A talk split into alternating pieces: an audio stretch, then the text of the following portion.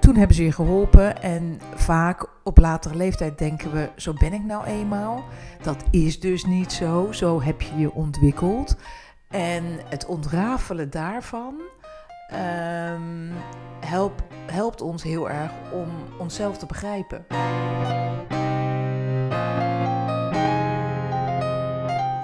Hallo en welkom bij aflevering 13 van Open Podcast. In deze aflevering van Open Podcast eh, gaan mijn moeder en ik in gesprek over patronen. En dan vooral het vervallen in oude patronen. Eigenlijk terwijl je op je, ja, op je pad bent. Oh ja, nou, voor, oh, oké, oh ja. Eh, grappig, nee, want ik dacht we gaan het gewoon überhaupt hebben over patronen herkennen.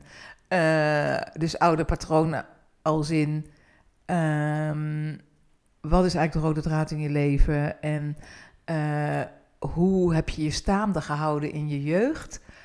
Eh, wat welke patronen tot ontwikkeling gebracht heeft. Ehm, dus het herkennen van je eigen patronen. Dat dacht oh, ik. oké. Ik, ik kijk meer naar patronen als iets, niet iets negatiefs, maar wel iets wat je wil doorbreken. En jij zegt ook van juist patronen die je helpen, die hebben geholpen of die hebben gebracht waar je bent. Ehm, ja, en de herkenning daarvan in de eerste plaats. Dus de bewustwording van hé, hey, eh, bijvoorbeeld, eh, ik ben opgegroeid als oudste. Ah, en, eh, en mijn ouders maakten mij verantwoordelijk over mijn broertjes en mijn zusjes. Eh, oh, daarom ben ik altijd geneigd om de leiding te nemen en zorg te dragen voor iedereen's welzijn. Eh, of eh, mijn moeder was ziekelijk en eh, ik moest al heel jong, dat komt op hetzelfde neer overigens als, het- als het andere voorbeeld. Ik moest bijvoorbeeld al heel jong ehm, in de do-modus en ik moest op mijn dertiende al koken. Gaat niet over mij overigens, maar hè, stel je voor. En dat je dan merkt, ah, ik ben altijd bezig met alles op te lossen voor anderen en te, en te fixen Hm, Oké. omdat dat ook daadwerkelijk werkelijk van je gevraagd wordt. En wat ik bedoel dus is het herkennen van de overlevingsmechanismen die je in je jeugd ontwikkeld hebt op basis van je temperament eh, en je aard. Eh, en ook de plek in de kinderrij, sociale economische omstandigheden, cultuur. ehm, eh, die hebben jou onbewust je overlevingsstrategieën doen kiezen. En die hebben je toen geholpen. Dus zelfs eh, iemand die slachtoffer is van misbruik en die daarmee verder geleefd heeft door letterlijk niet zijn mond open te trekken omdat dat gevraagd werd. Dat is zinvol geweest om zeg maar te kunnen overleven. Mhm. Ehm, eh, toen hebben ze je geholpen. Ehm, ook in minder heftige voorbeelden. Toen hebben ze je geholpen. Hè, dus door bijvoorbeeld je verantwoordelijkheid ook echt te nemen. Alsof je een moeder was, omdat je moeder ziek was en je was pas 13.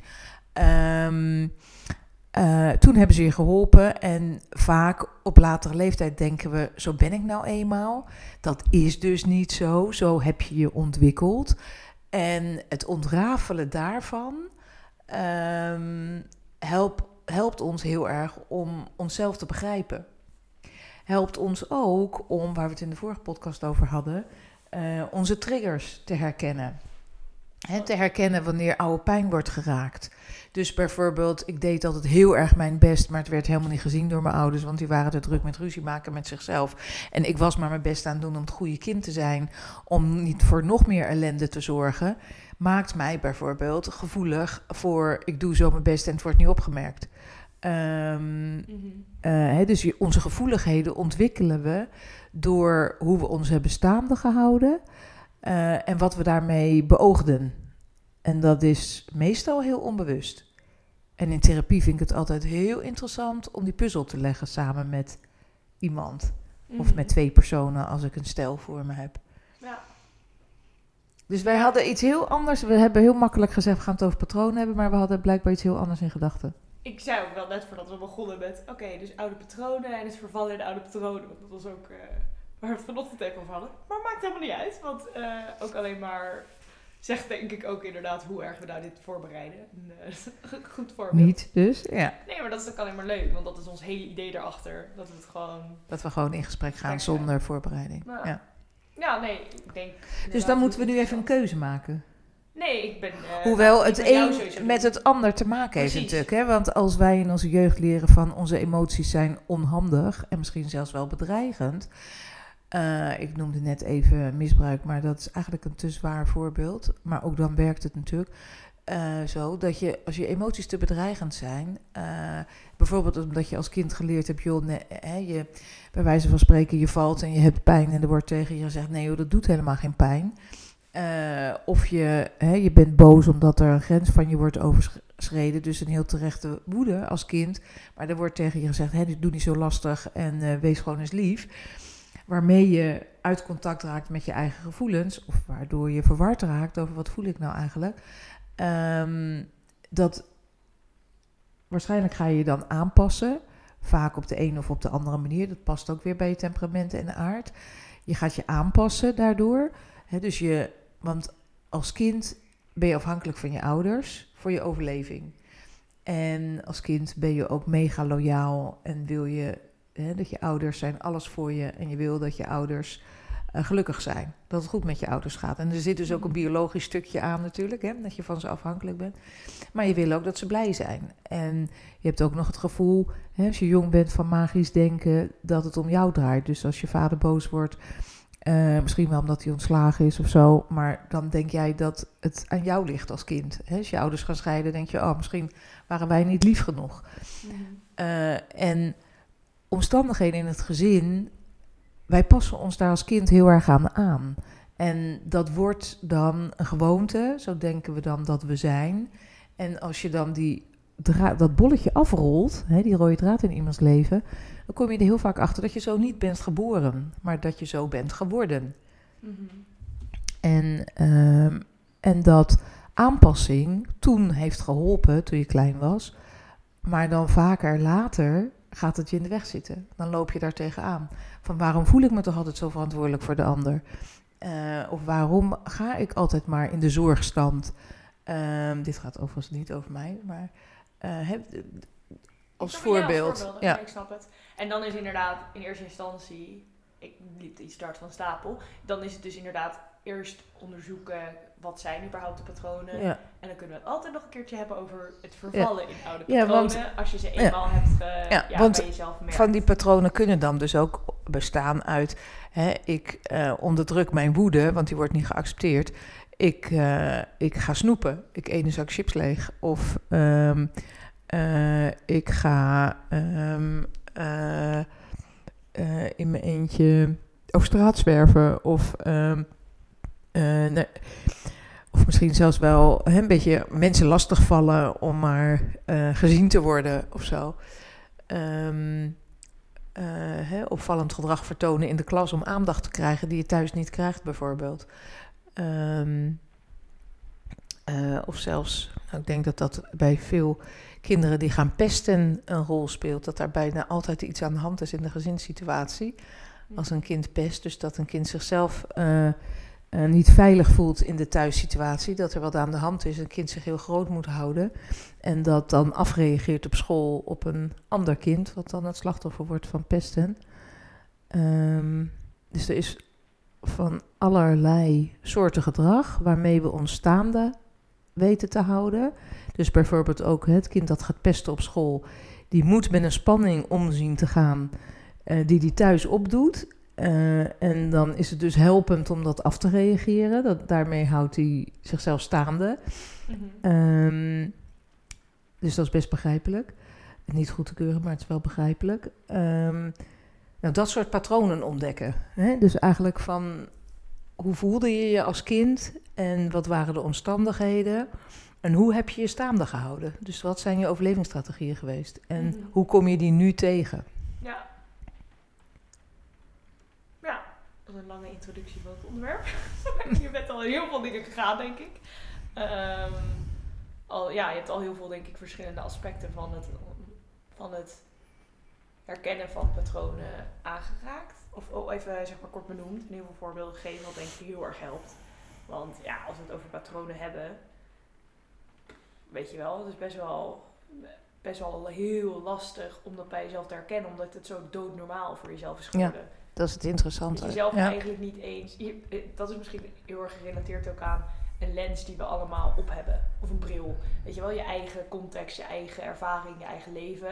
En je geeft heel erg een context ehm, die, hoe je het ook bent of keert, altijd, com- eh, zeg maar niet compleet verschilt, maar wel uniek is tot voor die persoon. Dus ook hoe dan, om dan te beginnen met het ontdekken, zeg maar, het herkennen van jouw patronen, of het ja, ontrafelen misschien. Ehm, om daar vervolgens inderdaad te kijken van oké, welke, welke heb ik, ja, welke dienen mij nog steeds, of welke heb ik iets aan, en welke zijn eigenlijk ja, geen die me nu in de weg staan. die me in de weg staan. Ja. Die ik los wil laten, misschien. Die me Ja. toen hebben geholpen, maar die nu niet meer nodig zijn. Want heel vaak is het zo dat we daar dan later tegenaan lopen. Hè? dus dat ja, dat zeker. eh, handig is geweest toen. Nou, bijvoorbeeld een bepaald vermijdingsgedrag of zo, hè, wat je uit de weg kon gaan. En dat dat heel helpend was. En dat je er later tegenaan loopt omdat het je eh opbreekt. Omdat je daardoor veel kansen misloopt of klem komt te zitten. Of dingen opstapelt. Ik denk Ja. dat voor, voor, voor mezelf sprekend een patroon zeker zou zijn van dingen niet inslikken van er, het niet de uiting aangeven, maar wel een beetje wegstoppen. Of weet je wel, een beetje op dat moment even niet willen voelen, niet kunnen voelen, niks meer kunnen. En dan vervolgens komt het altijd terug. Het stapelt zich op. Het is niet zo dat het verdwijnt als je iets wegdrukt of eh, ja, onderdrukt, zeg maar. Maar ja, het, is, het kan wel een patroon zijn dat je dat altijd eigenlijk doet met dingen die je Ja. dwars zitten. En dan vervolgens krijg je er natuurlijk heel erg last van in je, in je verdere leven. Omdat die dingen en altijd terugkomen. Ja. En eh, ja, het, het, het gaat ook aan je Ja. eten, zeg maar, in je vreten. En misschien hè, Ja. ben je dat wel gaan doen omdat ehm, dat in een bepaalde stressvolle situatie in jouw verleden, ik denk dan natuurlijk ook meteen aan specifieke, specifieke situaties, eh, dat jij ook het gevoel had van, nou, mijn ouders kunnen dat er helemaal niet bij hebben, bijvoorbeeld, hè, mijn gevoelens. Mhm. Laat ik die vooral, laat ik het niet nog moeilijker maken dan het is, bijvoorbeeld. Ja, nou ja, ja precies. Dus laat ik maar, mijn gevoelens zijn niet zo belangrijk. Mhm. Ja, dat, ik bedoel, ben dat denk ik de afgelopen... Nou, ik denk dat dit ook dingen zijn die je dan tegenkomt als je bezig bent met... eh, ja, Zelfontwikkeling, allemaal- Ja, ja. als je daar bewuster mee bezig bent gaan, eh, wilt zijn. Dat, je dat, dat het langzamerhand dingen zijn waar je dan ook een rode draad inderdaad gaat Ja. herkennen. Of dat, je dat iets steeds terugkomt. Ja. Ehm, dat je dus bijvoorbeeld begint te ontrafelen wat je allemaal hebt weggedrukt. Ja. Eh, dat is zeker denk ik bij mij een, een, ja, iets wat, eh, wat terugkwam. Ehm, en wat ook een beetje ehm, tijd kost, is misschien niet helemaal het goede woord, maar... ehm, Wel dat? aandacht vraagt. Aanda- ja, aandacht vraagt. Maar... En natuurlijk gewoon, ja, een soort van dat je dat ook als... Oh, interessant kan gaan zien. In plaats van altijd maar denken, oh wat irritant dat ik steeds, dat nog steeds doe, weet je Ja, nee, dat je het boeiend gaat vinden. Hè? En Ja. om het dan te ontrafelen en te onderzoeken. Van, hoe zit dat dan? Ja. Ja. en ook iets waar je niet beter in kan worden, maar wel waar je ja, in mee kan oefenen, zeg maar. Van, oh, oké, wat als ik er wel meteen iets van eh, zeg of wel meteen even met iemand over heb. Als ik, weet je wel, de neiging heb. Het gaat dan ook een beetje, voelt alsof het, met patronen he- heb ik toch het idee dat het voelt alsof je tegen je eigen natuur weer gaat. Dat je zeg maar, je primaire reactie is, oké, ik stop het weg. Even om dit voor, bij dit voorbeeld te blijven. Ja. En dat je eigenlijk eh, dus tegen je natuur ingaat, bij wijze van spreken, eh, als je er bijvoorbeeld over gaat praten of er iets mee doet. En dat tegelijkertijd dat, dat tweede, dus als je er iets mee doet, dat dat je Ja. juist kan helpen om zo'n patroon te doorbreken, wat je dus niet, niet op dit moment meer ja, dient Ja, ja, ja, ja. En dan moet je dus eerst in de gaten hebben dat je het wegstopt. Want Mhm. dat wat je wegstopt is best wel lastig om te kunnen zien. Hè? ja, je wil Omdat we er vaak heel goed in zijn geworden. Wat we als kind hebben aangeleerd. En waarvan we dachten dat het nodig was in de situatie. Hè? Wat van ons vroeg als aanpassing, daar zijn we heel goed in geworden. Dus bijvoorbeeld in het negeren van onze gevoelens of van onze grenzen.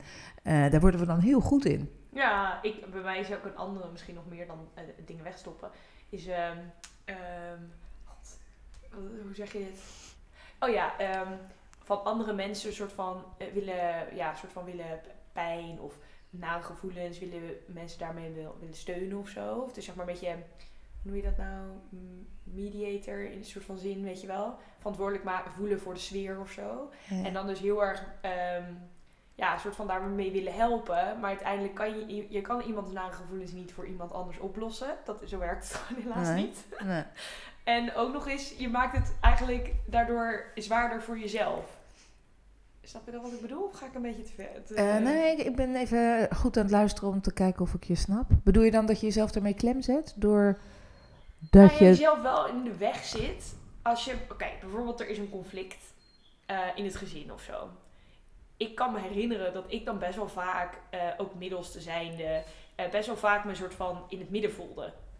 Tussen jou en papa, of de, tussen, weet je wel, jij en Isabel, of weet je, op die manier. Dan tussen me een soort van er. Ik zette mezelf eigenlijk dan in het conflict, terwijl ik er niet bij hoorde. Ja, je had er Maar niks mee te maken, maar je, erg- Het ja. trok me heel erg van, ja, maar ik jij ging dat dan bemiddelen. Ja. ja, ik wilde dat het soort van opgelost werd. Of dat het, weet je wel, eh, ja, onprettig dat er dan zo'n conflict gaande was of zo. En ik denk, dat is iets wat ik heel erg deed. Die rol heel erg opnam. En ik begin nu steeds meer in te zien hoe erg me dat ook... Het heeft me ook denk ik wel heel erg tot op zekere hoogte gediend of zo. Ik ben heel, kan heel sfeergericht zijn. En aan de andere kant is het ook iets wat me van heel erg in de weg kan zitten. Ja, ja. Want het kost mij super veel energie. Ja. Om mezelf altijd in dat soort situaties te brengen. Waar ik helemaal niet... Het gaat mij niet aan, weet je wel. Het dit is een heel mooi voorbeeld van een patroon, precies. Ja, waar ik niet iets mee hoef, per se. Ja, dat je dan denkt, hé, hey, ik ben bezig met problemen of met een conflict wat helemaal niet op mijn bord ligt. En ik ga me ermee bemoeien. Ja, en soms... Ik weet niet, dat is natuurlijk ook een beetje het lastige. Want ik merk echt dat ik het heel moeilijk vind om me dan afzijdig te houden. Ja, ja, ja, ja. En dat gaat er dan echt niet om dat ik beter weet hoe ik ermee om kan Ja. gaan. Want dat heeft er niks mee te Nee, maken. en nou weet ik dat jij soms ook in conflict situaties om je heen een hele goede rol gespeeld hebt. Hè. Dan heb ik het helemaal niet over ons gezin, maar eh, over vriendengroepen eh, of in de werksfeer.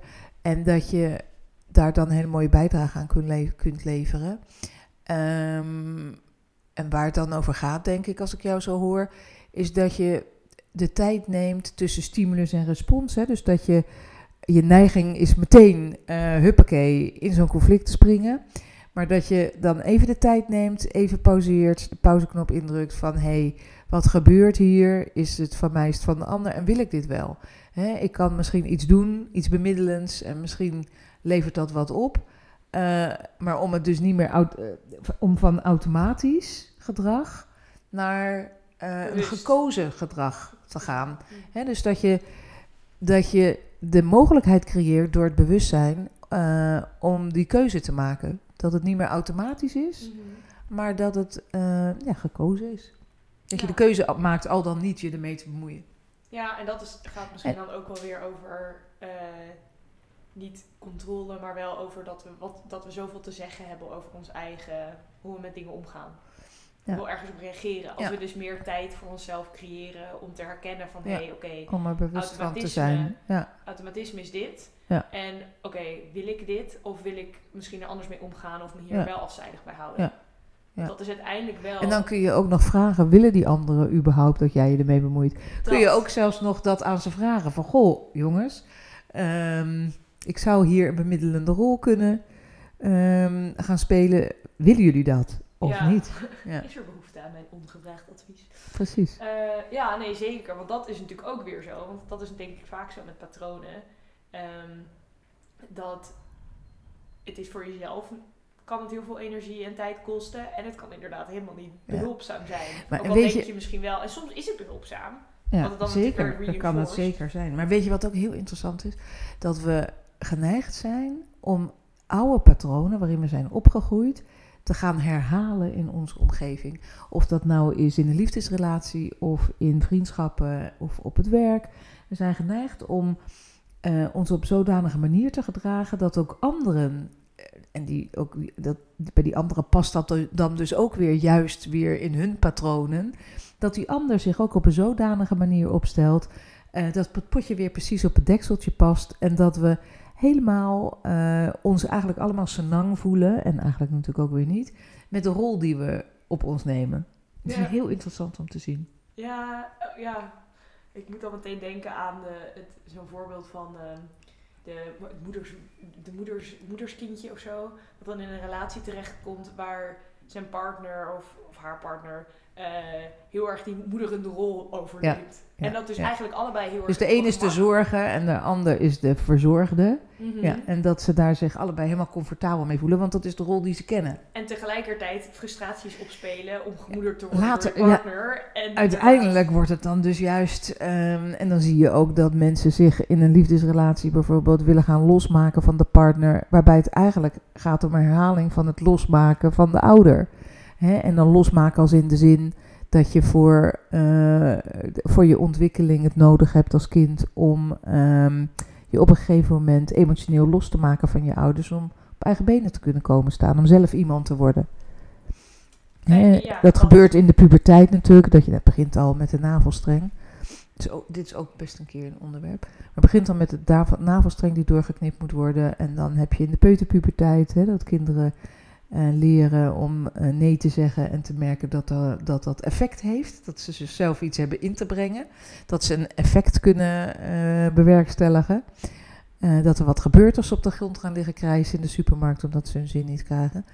Ehm, ehm, en dus dat ze los van hun ouders eh, iets, iemand zijn. En ehm, ik ga er nu even natuurlijk heel snel doorheen, maar dan in de puberteit natuurlijk, dan worden in plaats van die ouders, dan wordt de peergroep belangrijker, hè, de vrienden. En dan heb je de behoefte als puber om je los te maken van je ouders, om je eigen waarden en normen te ontdekken, om jezelf te ontdekken, je eigen grenzen te gaan voelen en waarnemen en beleven. Mhm. En dan komt dat, de volgende fase is dan eh, in de adolescentie, jongvolwassenheid, wanneer je uit huis gaat en daadwerkelijk op eigen benen gaat staan. Ja. En dit gaat eigenlijk door hè, die autonomieontwikkeling, of separatie, individuatieproces, zoals wij dat noemen in de psychologie, gaat door tot, eh daar ben je ook nooit helemaal mee klaar. Nee, net als met alles. Van afhankelijkheid naar autonomie. Nooit helemaal klaar. Maar wel, eh, ja, je komt wel steeds verder. En dus met patronen natuurlijk ook zo. Hoe meer je het kan herkennen, een bepaald patroon, hoe bewuster die keuze gaat worden. Of hoe meer je dus de keuze kan maken of je wel of niet op iets in wil gaan. eh, Ja. of, of, of hoe je wel of niet op iets Ja. reageert zoals in lijn met je oude patroon. Of met je patroon. Ja. Of ja, misschien haaks op of je, net een beetje afwijkend. En dat kan wel heel veel... ehm, ik weet niet, het kan denk ik best onwennig zijn. Maar het is tegelijkertijd ook wel weer heel erg dat het heel erg... eh, ja, je zelfvertrouwen in de zin van kan boosten. Van, oh ja, ik heb hier inderdaad een keuze in hoe ik Ja. omga. Ja, nee, ik denk dan weer. ik ben- Ik ben van het eh, slow cooking, denk ik. Ehm, ik, ben dan, ik denk dan dat eh, heel veel tijd en aandacht eh, van ons vraagt om die patronen te herkennen. En dat dat al zo heel veel is. En dat dan de stap naar doorbreken en anders doen ehm, eigenlijk ook vanzelf wel volgt. Hè? Dat, je, dat het juist zo gaat om die herkenning. En ik zie jou nu heel Nee, nee, nee. Ik ben Verwonderd ik kijken. vind het... Nee, ik vind het grappig dat je het zegt over slow cooking. Want ik ben inderdaad tegenovergestelde. Ik wil het nu. Ja, ja, ja. ja, ja. ik wil Oh, ja. nu al mijn patronen op een lijstje. Terwijl ik daar niet klaar voor zou zijn als ik dat zeg maar aangediend zou krijgen. Dan zou ik me doodschrikken waarschijnlijk. Dan is dat een patroon.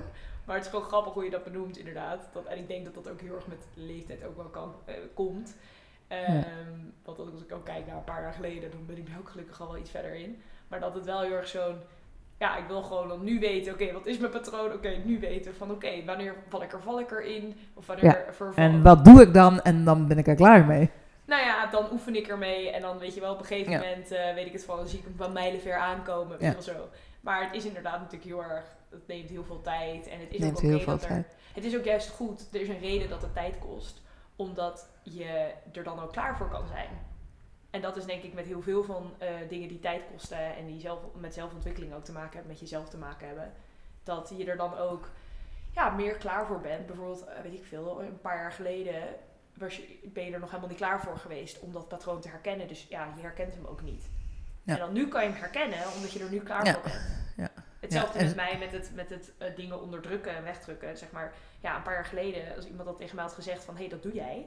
Dan had ik Had dat gezegd, ook weggedrukt. Ja, wat bedoel je daarmee? Helemaal niet. Eh, Ja. Ik snap niet waar je het over hebt. Ja. En dat is natuurlijk wel interessant, eh, dat, het, dat dat ook heel erg zijn eigen tijd heeft. Ja. Misschien ook, denk ik, elk patroon misschien wel zijn eigen tijd heeft om eh, zich kenbaar te maken en er wel of niet iets mee te, ja, mee te doen. Ja, en dat we dus juist ook voorzichtig moeten zijn met de instant oplossingen waarin we een quick fix willen.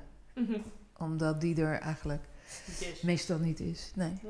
En ik denk Ja. ook wel dat je... En ook zonde zelfs, als je voor die quick fix gaat, laat je een heleboel liggen. Maar goed, daar kom je dan ook wel weer achter. En dan is het natuurlijk ook wel weer helemaal prima. Ja. Maar, eh, En soms is het ook wel, ik vind het ook op deze leeftijd ook wel eens annoying. Dat ik echt denk, wow, gaat wel heel langzaam. dat ook. Ja, dat, je hoopt dat je afgerekend hebt met sommige patronen waar je al heel erg veel in geïnvesteerd hebt. En dat het dan toch weer terugkomt op je pad. En nog in een hevige mate ook.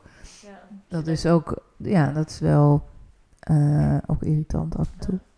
Maar er nooit, ja, je bent er nooit klaar mee. Maar wat jij ook zei over eh, relaties, dat het natuurlijk heel, ja, soms ook best wel makkelijk wil ik niet zeggen, want het kan natuurlijk heel, pijn, heel pijnlijk zijn om een relatie te eindigen. Maar dat je wel, als je niet inziet wat voor patronen er bij jou opspeelden, ehm, dat je dan heel erg het idee kan hebben van, oh, maar dat is deze relatie geweest. En dat je dan een nieuwe relatie begint en diezelfde patronen zich weer. Ja. Maar dat komt omdat je ze zelf meeneemt. Ja, precies. Dat was ook heel erg in dat boek van die Hanna Koepen kwam dat heel erg naar voren. Dat het Ja. dus zeg maar, je neemt de dynamiek, heb je, ja, neem je een beetje mee. Ja. Dus zolang je er niet bewust van wordt, dan hoef je er inderdaad nog niet eens iets mee te doen. Maar gewoon Ja, Hanna Kuppens hè, is het, volgens mij verlatingsangst. Eh, nee, liefdesbang. Ja, en de eerste boek, Liefdesroep en liefdesbang heb. Liefdesbang is dat, ja. Ja. ja. ja, Maar, ehm, gaat over verlatings- en bindingsangst, hè? mhm. Heeft ze heel mooi beschreven. Ja, Ja, het, is echt, een- het is echt een heel mooi boek. En ik denk wel, als je, dan gaat het inderdaad niet eens dat je iets met die patronen hoeft te doen, maar dat je in ieder geval weet dat je die patronen hebt. Ja. En dat als, het je echt heel, als ze je echt heel erg in de weg staan, of als je echt denkt van, wow, oké, of als je, ik wil, je ergert je heel erg aan, dan kan je altijd kijken van, oké, wat zou ik hiermee kunnen doen? Al is het bijvoorbeeld dat je, in- weet- misschien dat dat wel de trigger is om in therapie te gaan, of ja. weet je, daar echt actief iets mee te doen als het Ja. iets is wat je heel erg in de weg Nou, ik denk dat dat vaak gebeurt, ja. Als je echt heel erg er tegen, tegenaan loopt en ook zelf ziet van, hé, hey, het is weerkerend, het komt steeds terug, eh, dat dat een hele eh, ja, goede aanleiding kan zijn om eh, te willen onderzoeken. En dat dan in met een therapeut te willen doen. Ja. Ja. en dat is natuurlijk ook wel heel, ja, heel, juist alleen maar heel goed. En met een coach kan dat ook natuurlijk. Nou, heel interessant. Om dat ook bij jezelf na te gaan. Nee, voor patronen. Ja, want we Ja. hebben allemaal die patronen. Mhm, En ja. ik zeg altijd, ik zeg het gekscherend in de praktijk vaak, van, hè, dat ook ik mijn kinderen heb opgezadeld met van allerlei ehm, onwenselijke patronen, ook al heb ik er voor verder geleerd, zowel als pedagoog als psycholoog. Ehm, dus dat is ook wel, wel hè, boeiend dat dan, zelfs als je heel bewust bezig bent met opvoeding en ook die ehm, eh, haken en ogen een klein beetje kent, ook vanuit je eigen onderzoek, eh, dat dan toch je er niet aan ontkomt dat je ook je kinderen daar weer mee opzadelt. Ik denk altijd wel hopelijk iets minder erg dan dat je dat zelf hebt gehad, dat er Mhm. wel zo'n zo'n evolutielijn is. ja. Ja. Nou, dat denk ik zeker. Ja. En ook hierin is het denk ik zo belangrijk dat het bespreekbaar is. Dat je het erover kan hebben. En dan dat het ook iets kan zijn van, oh, ik verval in oude patronen. Eh, overigens ook waar wij... Ja, zonder jezelf daarover af te maken of, of eh, daar te zelfkritisch in te zijn. Ja. Het is ook wel wat wij, ehm, waar, hoe we ook op dit onderwerp kwamen, was natuurlijk omdat eh, we nemen dit op op tweede paasdag. en dat ehm, wij het, gisteren waren we met z'n allen en dat we, ja, dat er toch wel wat, niet vervallen in de oude patronen, dat klinkt heel dramatisch, maar wel dat er patronen in de gezinssituatie zijn waar je, maakt niet uit hoe oud je bent, al ben je dus 24, 25, 27, dat je daar toch weer terug in, in komt, zeg maar. Ja, En dat dat ook wel, eh, ja, ook iets vertrouwds is. En dat dat natuurlijk met patronen ook, daarom heet het ook een patroon. Ja, ja, eh, dat is heel grappig. De dynamiek van een gezin. Ook al ben je in de 60, dan nog kun je daar heel gemakkelijk val je daarin terug. Een soort zuigende werking gaat daarvan uit. Het zit heel diep in ons.